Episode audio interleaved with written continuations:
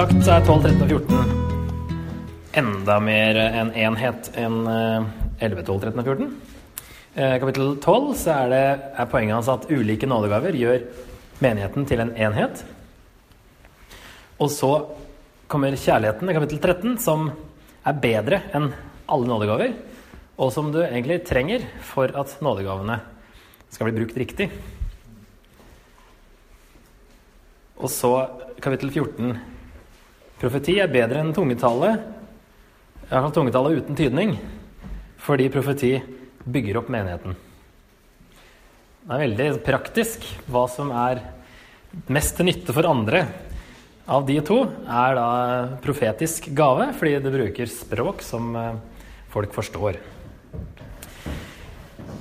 Så um, vi begynner da med kapittel 12.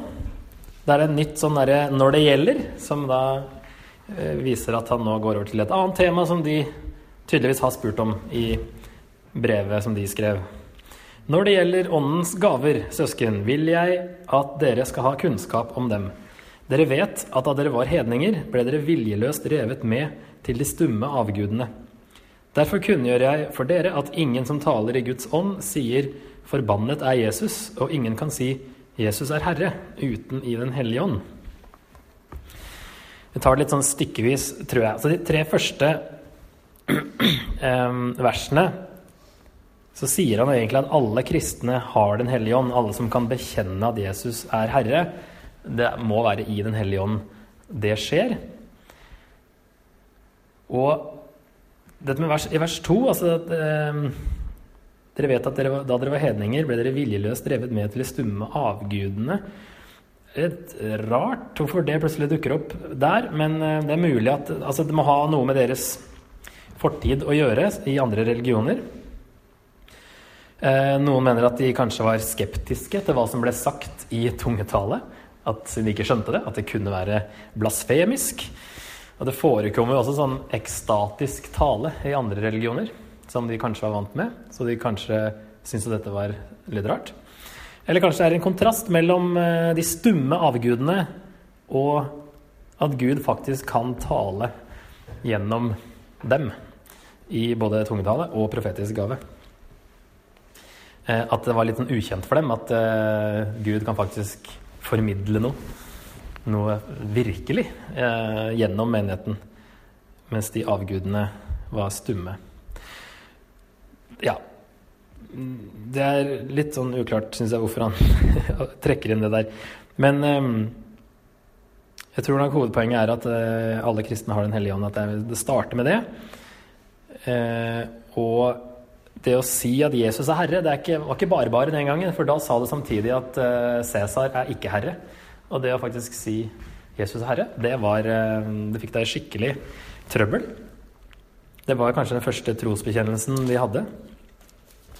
Og i Apostlenes gjerninger eh, 17.7 så får vi litt sånn innblikk i det når han sier Eller da er det i Tessalonika.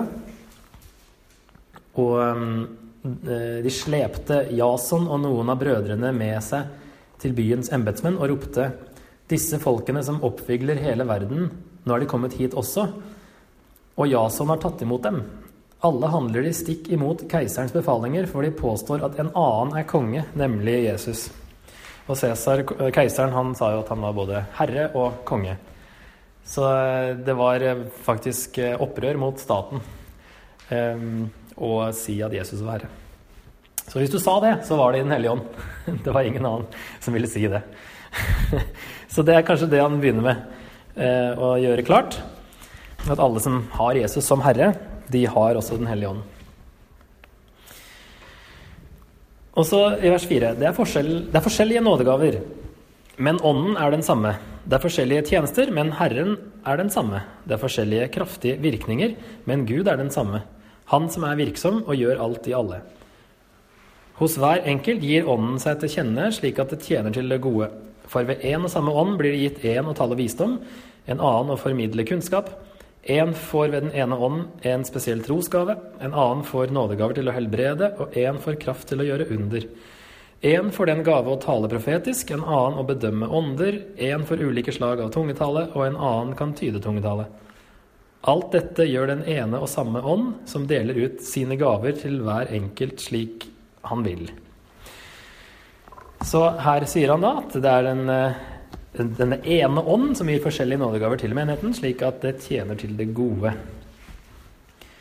Og det er når han sier Det er en parallell, da. Tre paralleller, egentlig, i vers 4-6.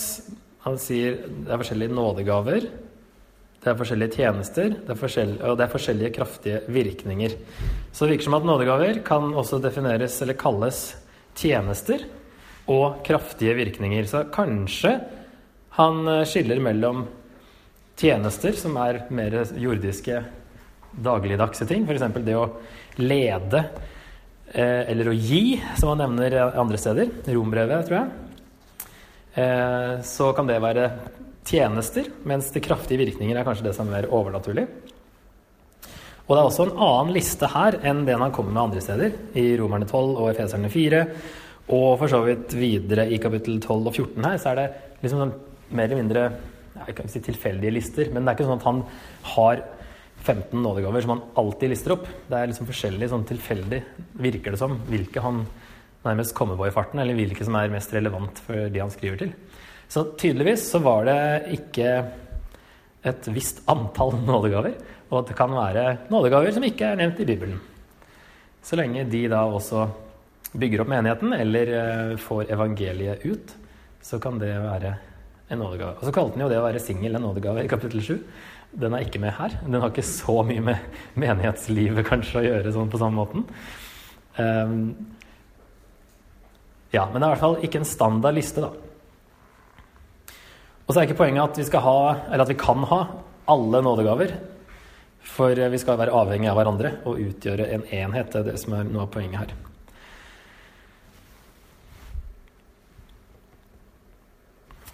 Og så kommer det et langt avsnitt om dette med kroppen og lemmer og sånt, som er et bilde som han da egentlig bruker motsatt av hvordan det vanligvis ble brukt.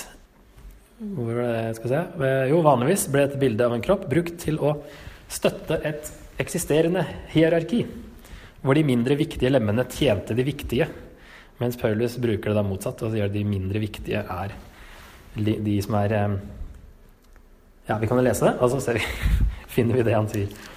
Fra vers 12, da. Slik kroppen er én, selv om den har mange lemmer, og alle lemmene utgjør én kropp, enda de er mange.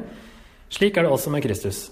For med én ånd ble vi alle døpt til å være én kropp, enten vi er jøder eller grekere, slaver eller frie, og alle fikk vi én ånd å drikke.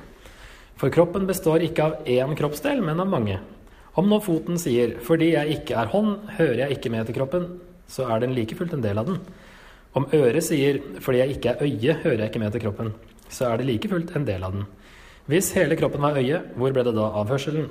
Og hvis det hele var hørsel, hvor ble det da av luktesansen? Men nå har Gud gitt hvert enkelt lem sin plass på kroppen slik han ville det. Hvis det hele var én kroppsdel, hvor ble det da av kroppen? Men nå er det mange kroppsdeler, men bare én kropp. Øyet kan ikke si til hånden 'jeg trenger deg ikke', eller hodet til føttene 'jeg har ikke bruk for dere'. Tvert imot, de delene av kroppen som synes å være svakest, nemlig de, eh, nettopp de, er nødvendige. De kroppsdelene som vi synes er mindre ære verdt, dem gir vi desto større ære.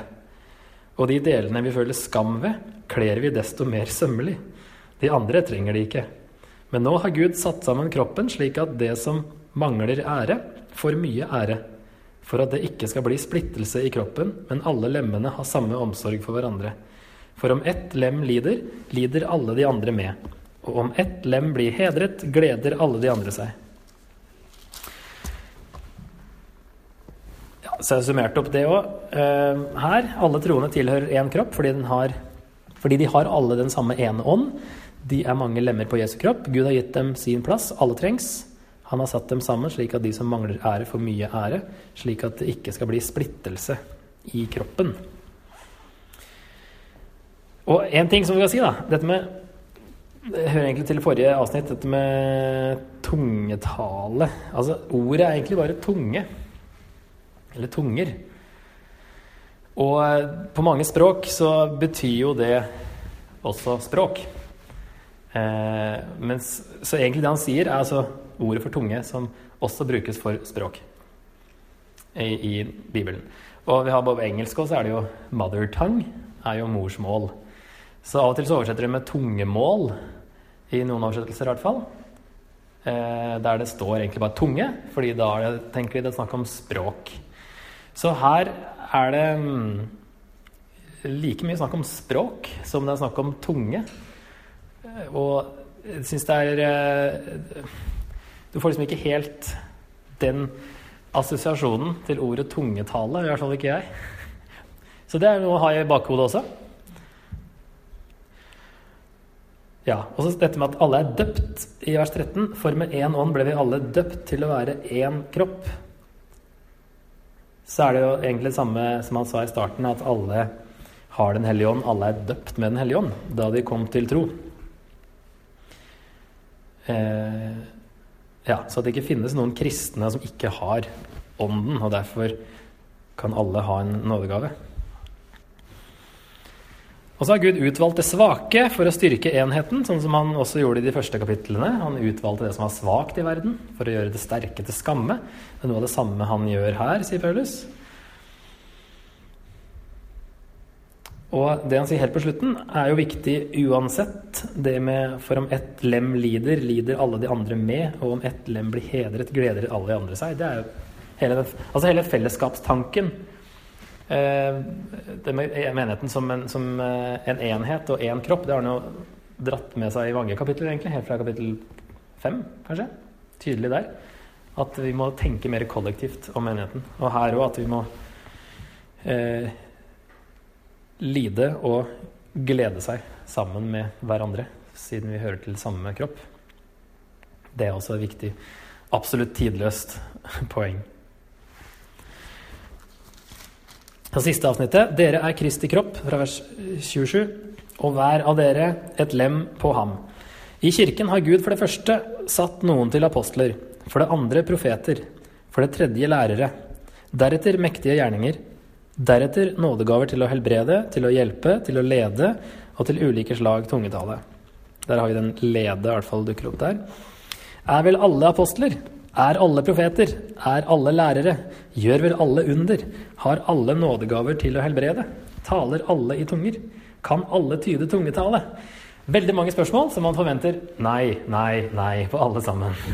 Da kan man faktisk se ut fra hvilken gresk nektelse han bruker. Det er to forskjellige ut fra om du forventer et jo eller nei. Så det er veldig tydelig der at han forventer nei på alt det her. At uh, det er forskjellig, og det er poenget.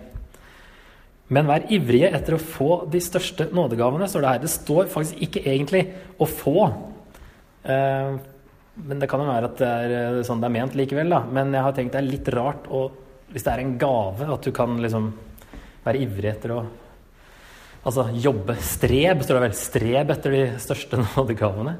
Eh, hvis det er en gave, kan man da strebe etter å få den, på en måte. Men han sier jo senere i, vers, eh, i kapittel 14, vers 13, at eh, du kan be om å få tydningen hvis du, for å forstå eh, din egen tungedale.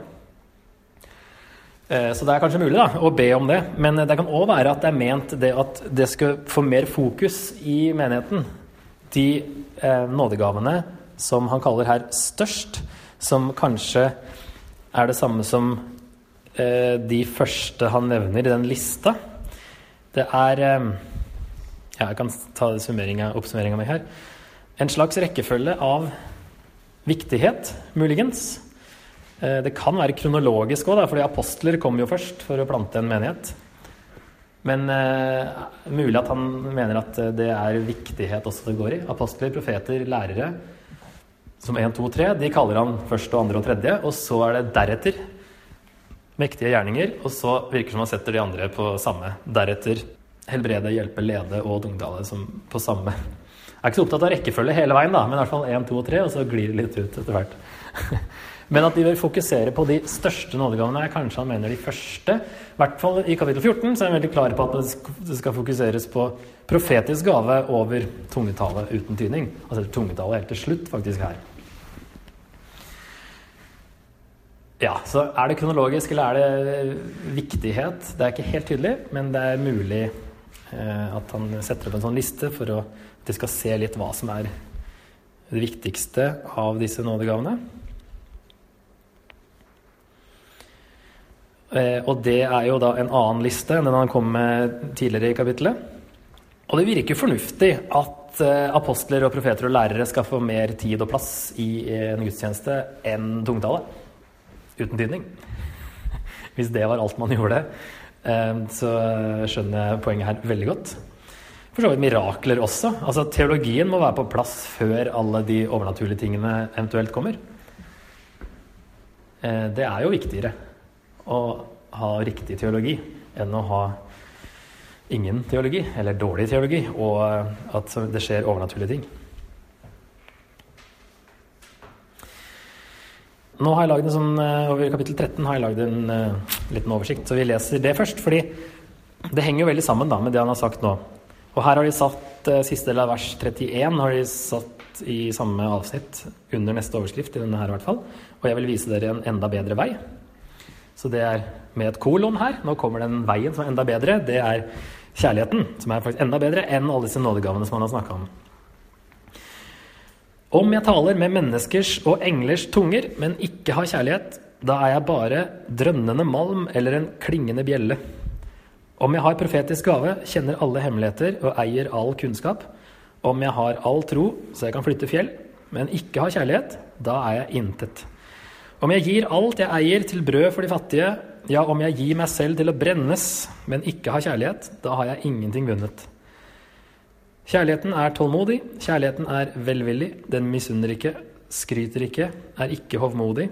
Kjærligheten krenker ikke, søker ikke sitt eget, er ikke oppfarende og gjemmer ikke på det onde. Den gleder seg ikke over urett, men har sin glede i sannheten. Kjærligheten utholder alt, tror alt, håper alt, tåler alt. Kjærligheten tar aldri slutt. Profetgavene skal bli borte, tungene skal tie og kunnskapen forgå.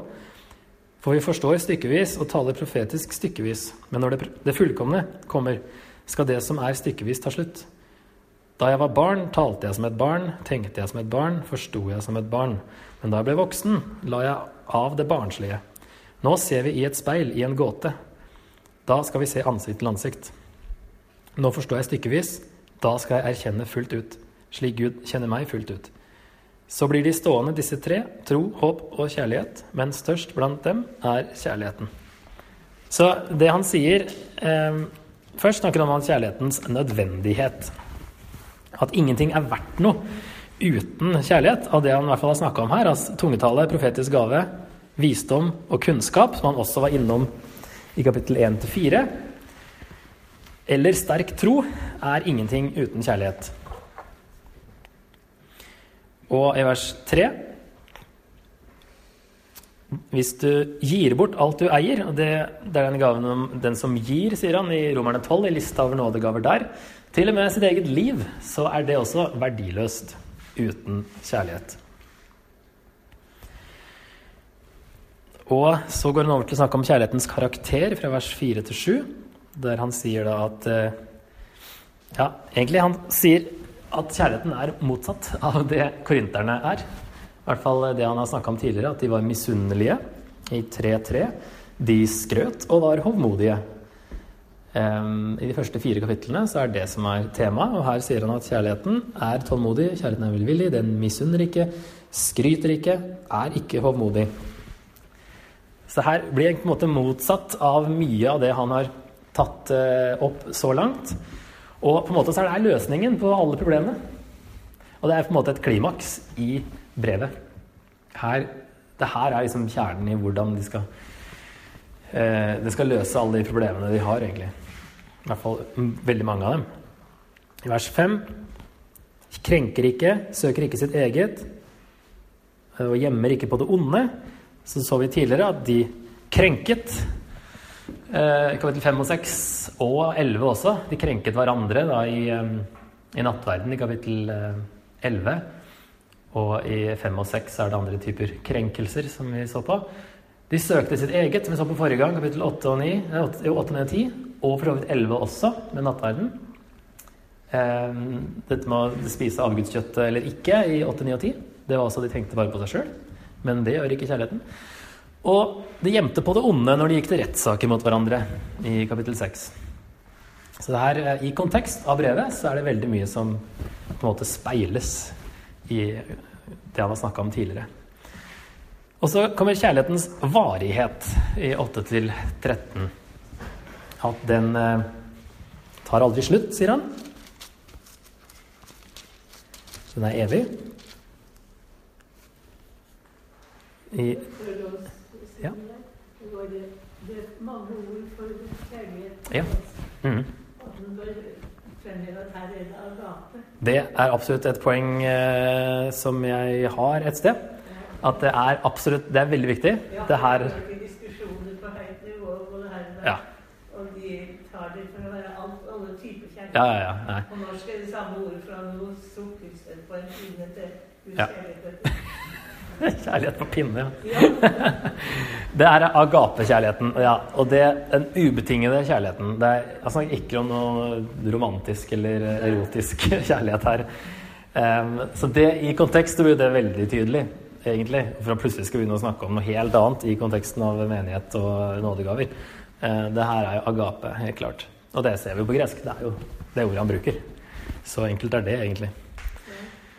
Så her lager han noen paralleller med stykkevis eh, kontra, eller versus, versus eh, fullkomment. Han sier at ja, setter opp det med barn mot voksen og speil og gåte som en kontrast til ansikt til ansikt. Og i vers 13 sier han at eh, kjærligheten Han sier at den fortsetter inn i evigheten. Eh, altså de som blir, tre som blir stående, er tro, håp og kjærlighet, og størst blant dem er kjærligheten. Så det er de tre som, eh, som blir stående, og som Alt det andre, alle andre nådegavene, profetisk eh, gave, skal bli borte, tungene skal tie, kunnskapen skal forgå, og alt det som vi holder på med nå, det er stykkevis. Og barnslig, holdt jeg å si. Eh, som i et speil i en gåte. Men til slutt så skal vi forstå alt. Eh, Vi holder oss til Forholder oss til noe som så mye vi kan forstå, men eh, vi forstår ikke alt. Og at kjærligheten, den skal vare, og derfor er den viktigere enn nådegavene som skal forgå, og som skal oppfylles når Jesus kommer tilbake. Da, da trengs det ikke lenger. Eh, Men kjærligheten den skal fortsatt vare, derfor er den, har den et fortrinn.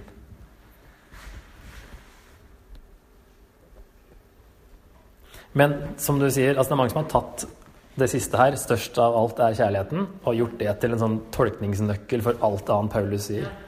Eh, Det blir helt feil. Ja, ekstremt lettvint.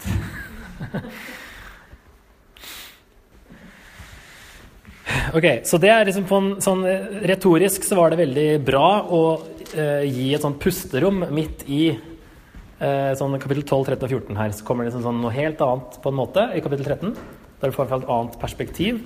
Så går den tilbake igjen til eh, nådegaver, spesielt tungetall og profeti, i kapittel 14. Her er det en par ting som er litt rare, og så er det et ganske langt kapittel, så vi får bare kjøre på. Eh, ok, så da går han tilbake. Han sier jo fortsatt 'jag etter kjærligheten'. Det henger veldig sammen med kapittel 13. da. Søk åndsgavene med iver, særlig det å tale profetisk. For den som taler i tunger, taler ikke for mennesker, men for Gud. Ingen kan forstå ham, for han taler hemmeligheter ved ånden. Men den som taler profetisk, taler for menneskene, til oppbyggelse, formaning og trøst. Den som taler i tunger, oppbygger seg selv, men den som taler profetisk, bygger opp menigheten. Jeg skulle ønske at dere alle talte i tunger, men enda mer at dere talte profetisk. For den som taler profetisk, er større enn den som taler i tunger. Hvis han da ikke tyder det han sier, så menigheten kan bli bygd opp. Sett nå, søsken, at jeg kommer til dere og taler i tunger. Hvilken nytte har dere av det, hvis jeg ikke samtidig gir dere åpenbaring, kunnskap, profeti eller lære? På samme måte er det med livløse instrumenter som fløyte eller harpe. Hvis det ikke er forskjell på tonene deres, hvordan kan en da oppfatte hva som blir spilt? Og gir trompeten et utydelig signal, hvem gjør seg da klar til kamp? Slik er det også med dere. Bruker dere ikke tungen til å tale tydelig, hvordan kan en da oppfatte hva som blir sagt? Da snakker dere bare ut i luften. Ingen vet hvor mange språk det finnes i verden, og alle språk har sin mening. Men dersom jeg ikke kan språket, blir jeg en fremmed for den som snakker det, og han blir en fremmed for meg. Slik er det også med dere. Når dere nå legger så stor vekt på åndsgavene, så søk å bli rike på gaver som bygger opp menigheten. Derfor må den som taler i tunger, også be om å kunne tyde det. For hvis jeg ber og taler i tunger, er det ånden min som ber, men forstanden har ingen nytte av det. Hva skal jeg så gjøre? Jo, jeg skal be med ånden, men også med forstanden. Jeg skal lovsynge med ånden, men også med forstanden. Hvis du holder takkebønn i din ånd, hvordan kan, er, hvordan kan da den som ikke er fortrolig med dette, si amen til din bønn? Han skjønner jo ikke hva du sier. Du holder nok en god takkebønn, men ingen andre blir oppbygd av det. Jeg takker Gud for at jeg taler mer i tunger enn noen av dere. Men når menigheten er samlet, vil jeg heller si fem ord med forstanden, så jeg også kan lære andre noe, enn tale tusenvis av ord i tunger. En klar kontrast der profetisk, eller eh, forstandig tale, da, er mye bedre enn eh, masse ord i eh, tunger som ingen forstår. Ikke engang den som snakker. Så disse versene vil jo da oppsummere det poenget at profeti er bedre enn tungetale uten tydning, fordi menigheten blir oppbygget. Det er egentlig det han sier. Um, ja, nå ser jeg at jeg har tenkt å gå gjennom de punktene her før jeg går på andre mer i detalj. Da kan vi ta det videre. I 20-25 så sier han profeti er bedre enn tungetale uten tydning fordi det kan ha en positiv effekt på ikke-troende. Og så eh, siste biten, 26-40, så er det retningslinjer for tungetallet, profeti og kvinner i menigheten. Så da blir det veldig praktisk til slutt. Men først er det at det er bedre fordi, med profeti fordi menigheten blir opphugget, og også fordi en ikke-troende, eller på gresk en idiot, altså en, en ikke, Det betyr ikke ikke-troende, men en uinnvidd. En som ikke er fortrolig med det, eller noe sånt noe. Eh, Utenforstående bruker de her i vers 23, som vi kommer til. Så det er det greske ordet som har fått en litt annen betydning i eh, dag da enn det hadde da. Eh, ok, Så det han sier, som er litt um, interessant her, er at uh, I vers 2 så sier han den som taler i tunger, taler for Gud. Eller til Gud, står det i noen engelske kanskje at du har til Gud. Det er ingen preposisjon på gresk, det er bare en eh, såkalt dativ, en kasus, som eh, man kan oversette til eller for. Så det virker jo veldig som, et, som at tungetallet er et bønnespråk her, da. Um, at det ikke er et budskap fra Gud, men det er eh, en bønn på et språk Hemmeligheter ved ånden, står det. På et språk som ingen forstår. Eller stort sett ingen. Eh, og han sier at du oppbygger deg selv. Det ville òg virke mer naturlig å bli oppbygget av det hvis det er en bønn og ikke et budskap fra Gud som du ikke forstår. Hvis det ikke er tydning. I hvert fall. Og han sier i vers 14 hvis jeg Når jeg ber Egentlig sier han når jeg eh, Hvis jeg ber i en tunge. Så det er egentlig den måten han ber Det høres ut som det er to forskjellige ting. Ja, når jeg ber og taler i tunger. Men det er egentlig hvis jeg ber i en tunge, i vers 14, så er det jo tydelig et bønn, eh, bønnespråk der også. Og så kalles det en takkebønn i vers 16 og 17. Så her ser det veldig ut som at alt han sier her, i hvert fall, eh, i kapittel 14, og det er jo egentlig hovedkapitlet for eh, disse tingene, så er det et bønnespråk. Og tyde betyr egentlig bare tolke, forklare eller oversette fra et annet språk. Så måten han bruker det ordet på også, å tyde det, det virker jo ikke som at altså virker som det er en, mer en oversettelse av uh, denne bønnen. I så fall så uh, er det litt annerledes enn sånn det vanligvis praktiseres, så vidt jeg har opplevd i hvert fall. Så han kommer ikke med alt, han forklarer ikke alt her heller, men det er det vi har, har å gå etter. Eh, og det som jeg syns var rart også, i mange oversettelser, de fleste egentlig, så står det som sagt Hver gang det står tunge, så står det jo ikke språk eller tungemål, men det står da tungetale. Men der det faktisk står språk, i vers 10 og 11 Ingen vet hvor mange språk det finnes i verden. Alle språk har sin mening. Dersom jeg ikke kan språket, der er det et ord som betyr lyd eller stemme, og som ikke betyr språk. Eller altså, du kan i, på en måte komme dit med at eh, stemme, tale, språk. Men egentlig det er ordet foné, som eh, betyr jo lyd eller stemme på gresk. Og noen engelske oversettelser, noen få. Det var en jeg fant. Eh, New Revised Standard Version har There are doubtless many different kinds of sounds in the world, and nothing is without sound. Det er egentlig mer, mer bokstavelig oversettelse enn språk og mening med språket. Eh, så det er samme ordet han bruker lenger opp, med instrumenter som spiller. Da bruker han også det samme ordet to ganger i vers 7 og 8. Og der har 88-oversettelsen så ja, i vers 7 slik er det med livløse ting som gir lyd. Der har de brukt det ordet med lyd, i hvert fall. Og så er det i vers 8 trompeten gir et utydelig signal. Så er det også egentlig en utydelig lyd. Så han bruker det samme ordet videre. Det har ikke så mye å si, tror jeg. For jeg syns det var veldig interessant at de da, de, der de faktisk bruker språk, så er det et ord som ikke betyr språk. Og det var gjennomgående for de norske oversettelsene. Og mange engelske også.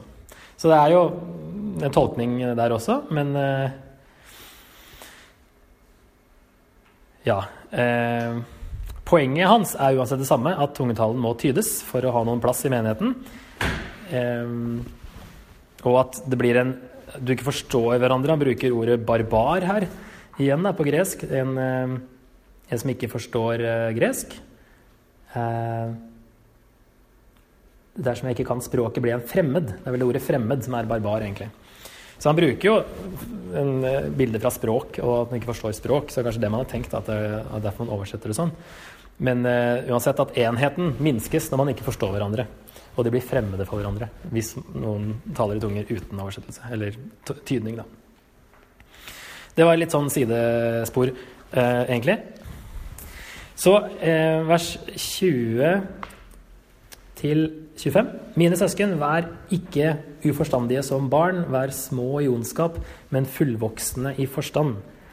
Det står skrevet i loven på andre språk, og med fremmede tungemål skal jeg tale til dette folket, men enda vil de ikke høre meg, sier Herren.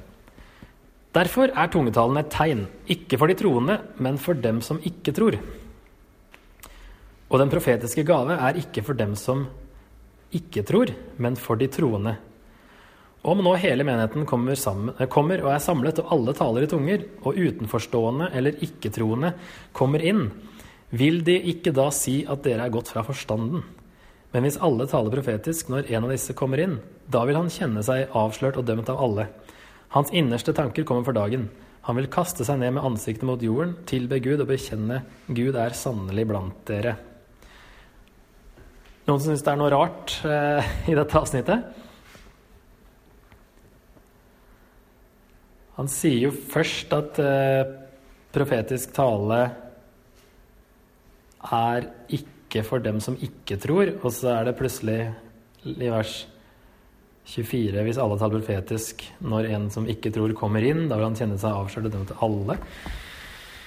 Eh, det er noen rare ting her. Eh, men jeg tror det eh, beste, beste forklaringen er altså, Han begynner jo med et sitat i vers 21. Og det er fra Jesaja. Han kaller det loven, men det kunne man kalle hele Gammeltestamentet.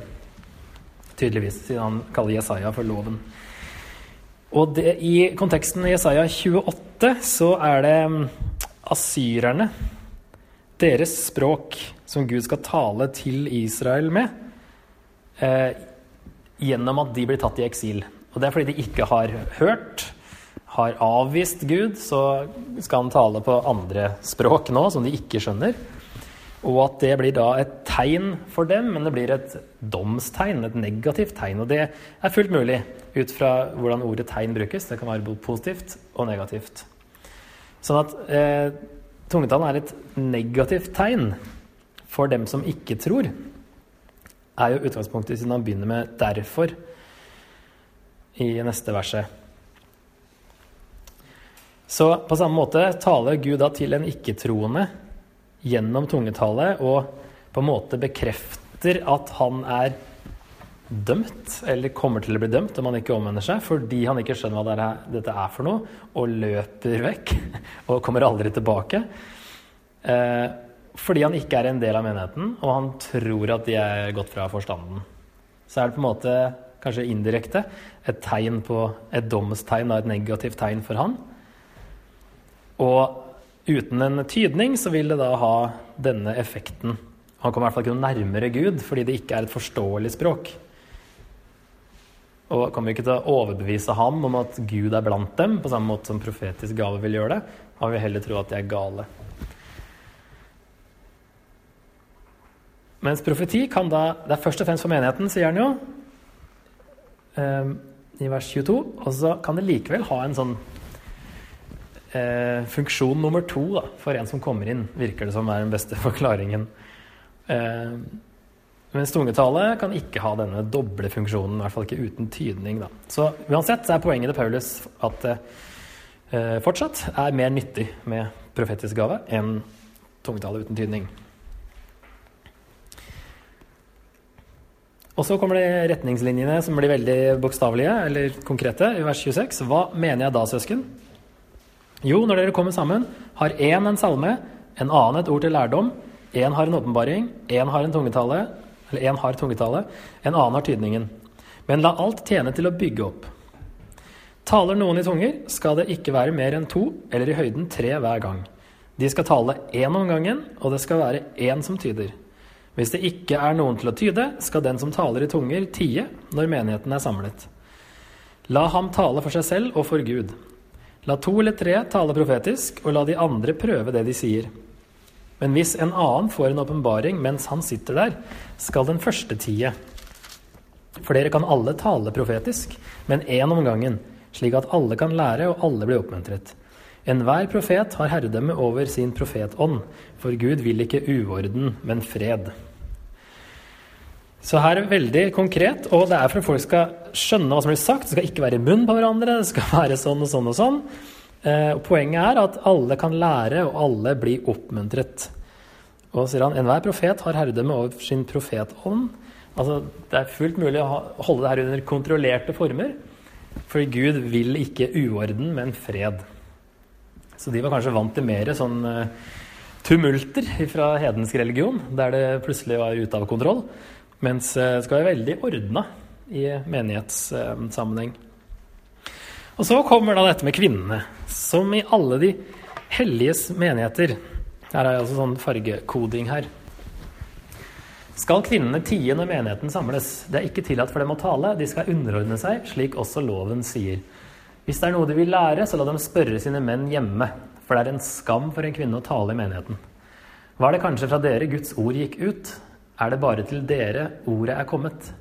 Hvis noen mener seg å være profet eller ha åndsgaver, så skal han vite at det jeg skriver, er et Herrens bud. Den som ikke godtar dette, blir selv ikke godtatt.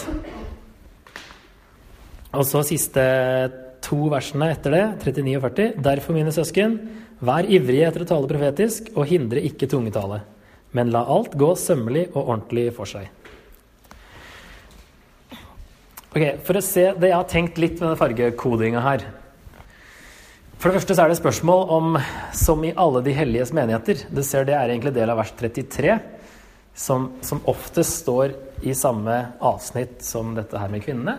Men det er mulig at det skal være slutten på forrige setning. For Gud vil ikke uorden, men fred, som i alle de helliges menigheter. Og det har en ja, King James jeg tror ikke norske Bibelen Guds ord har det.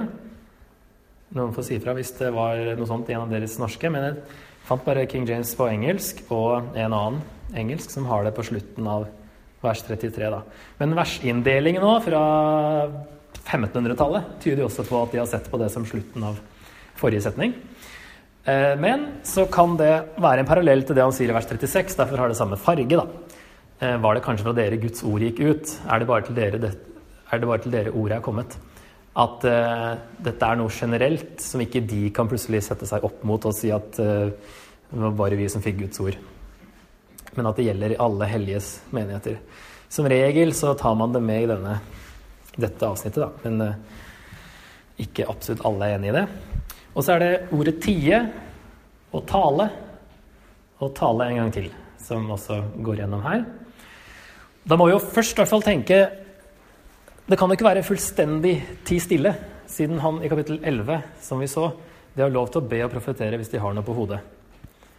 Da kan det ikke være en fullstendig stillhet det er snakk om. Og de kan være med å synge, som han har sagt i vers 26. Der snakker han om eh, når dere kommer sammen, har én en salme, la, la, la. Det er aldri noe snakk om at har en mann en salme, eller en mann har det, en kvinne har det. Det er aldri noe kjønnsfordeling på nådegavene. Um, det fins til og med spor av en kvinnelig apostel i eh, Romerne 16. Og, så det her må være en eller annen betinget tie det er snakk om her, da. Uh, og så Loven er trolig Moseloven igjen, som han henviste til eh, tidligere. Eh, med underordning og altså mannen før kvinnen osv. Tror det er samme argumentet han trekker inn her. Her bruker han ordet at de skal underordne seg. Og så har jeg lagt det også, eller satt eh, eh, grønn på også sine menn, som har med underordning å gjøre. Og at det er en skam, har også kanskje med det å gjøre. Eh, og det er det samme som han sa i kapittel 11, for så vidt, med å bruke ordet skam der. da. Og kanskje det han mener med et Herrens bud altså Det er jo som regel Jesus som er Herren. Og eh, om han mener konkret at Jesus snakka om noe om det her, eh, så kommer kanskje nærmest det, at han henviser til skapelsesberetningen. Men det kan òg være at han bare Dette er fra Gud, eller fra Jesus nå. Dere må høre på meg. Og det er noe med liksom, Ok, han er ganske seriøs på at dette er et Herrens bud. Vi kan ikke bare liksom avfeie det fordi Eller sånn altfor lett. I hvert fall verdt å tenke litt over det. Uh, igjen kan det være konene det er snakk om, da, siden det er kvinner. Jeg tror ingen oversettelse jeg fant, uh, hadde det. Men uh, uansett så var de fleste voksne kvinner da gift, så de er jo på en måte koner uansett. Når det gjelder dette med skam, da, så i kapittel 11 så tok vi jo, i hvert fall jeg, tok sånne skamargumenter som tegn på at det var kulturelt. Kan vi gjøre det samme her? Er spørsmålet. Og er det da en skam på samme måte som i kapittel 11, fordi hun ikke viser at hun er under sin mann på en eller annen måte i underordning? Det er jo det som er argumentet her også. De skal underordne seg. At det er en skam hvis de taler på en eller annen måte. Og det handler ikke om å ikke si at de ikke kan si noen ting og ikke delta i det hele tatt. Så én tolkning er jo å se på det her sammen med 1. Timoteus 2, der Paulus sier at eh, jeg tillater ikke en kvinne å opptre som lærer eller å, herre, være herre over en mann. Og så konkluderer med at en kvinne ikke skal ha en eller annen lederposisjon i menigheten og ikke tale fra scenen eh, eller undervise menn. da. Det er én tolkning. Eh, tenkte jeg å ta de tre andre som går på eh, at det er kulturelt eller at det er noe annet. Og det er den første med småprating, som dere ser av eh, bildet. den går tilbake til Johannes Chrysostomos fra slutten av 300-tallet, som var en av de første da, til å eh, mene at det var snakk om kvinners småprating. Eh, og rammen er orden, som han starter med og slutter med. Vers 33 og 40. At det hadde med det å gjøre. Problemene med denne her er at eh, det er da som sagt et helt vanlig ord for å snakke, og ikke et spesifikt ord for småprating. Og begrunnelsen er ikke at de skaper uorden, men at det er en skam for dem å tale.